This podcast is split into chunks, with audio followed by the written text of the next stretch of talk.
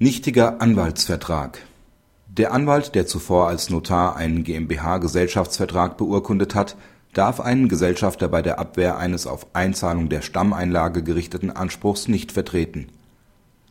Ein Anwaltsnotar beurkundete den Gesellschaftsvertrag einer GmbH, deren Gesellschafter unter anderem der Mandant war. Über das Vermögen der Gesellschaft wurde später das Insolvenzverfahren eröffnet.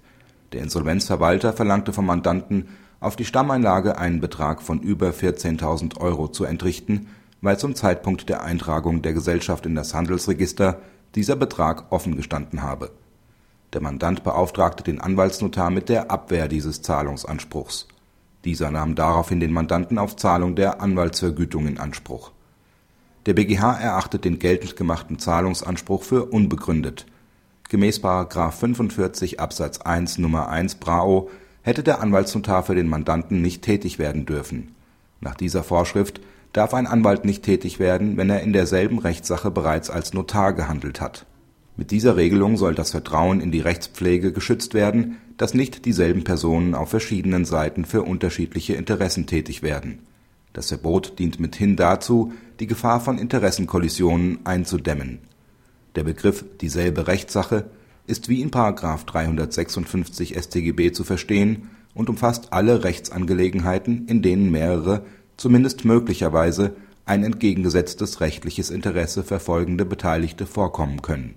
Maßgeblich ist der sachlich-rechtliche Inhalt der anvertrauten Interessen, mithin das anvertraute materielle Rechtsverhältnis, das bei natürlicher Betrachtungsweise auf ein innerlich zusammengehöriges, einheitliches Lebensverhältnis zurückzuführen ist der BGH betont, dass sich nach diesen Grundsätzen die Beurkundung des Gesellschaftsvertrags hinsichtlich der später in Insolvenz geratenen Gesellschaft und die Geltendmachung des Zahlungsanspruchs wegen unvollständiger Stammeinlage auf dieselbe Rechtssache beziehen. Der Zahlungsanspruch kann nicht vom Gesellschaftsvertrag losgelöst betrachtet werden, da er hierin seine Grundlage hat. Die Vorschriften des GmbH-Gesetzes und der hierzu ergangenen höchstrichterlichen Rechtsprechung betreffen die Modalitäten der Erfüllung der im Gesellschaftsvertrag verankerten Einlagepflicht. Die unmittelbare Verknüpfung zwischen Forderung und Gesellschaftsvertrag wird insbesondere dann sichtbar, wenn es um die Höhe oder Art der Stammeinlage geht.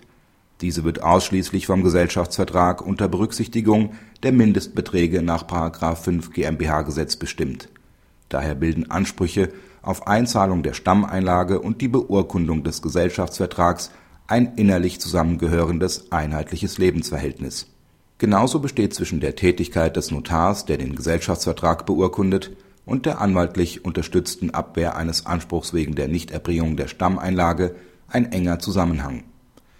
Dieser wird durch die Verpflichtung des Urkundsnotars vermittelt, bei der Beurkundung darauf hinzuweisen, eine ordnungsgemäße Kapitalaufbringung setze voraus, dass die Stammeinlage im Zeitpunkt der Eintragung der Gesellschaft in das Handelsregister noch vorhanden sei beziehungsweise im Fall der erfolgten Eintragung eine Nachschusspflicht der betreffenden Gesellschafter.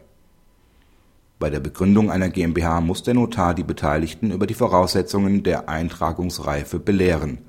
Hieraus kann sich sogar ein Gegensatz der Interessen des Urkundsnotars und des in der Auseinandersetzung über die Nachschusspflicht mandatierten Anwalts ergeben. Praxishinweis Rechtsfolge eines Verstoßes gegen das Tätigkeitsverbot nach § 45 Absatz 1 Nr. 1 BRAO ist die Nichtigkeit des Anwaltsvertrags gemäß § 134 BGB. Der Umstand, dass sich das Tätigkeitsverbot lediglich gegen den Anwalt richtet, steht der Rechtsfolge der Nichtigkeit nicht entgegen. Dieses Verbot liefe weitgehend leer, wenn der Anwalt aus seiner verbotswidrigen Tätigkeit eine Anwaltsvergütung beanspruchen könnte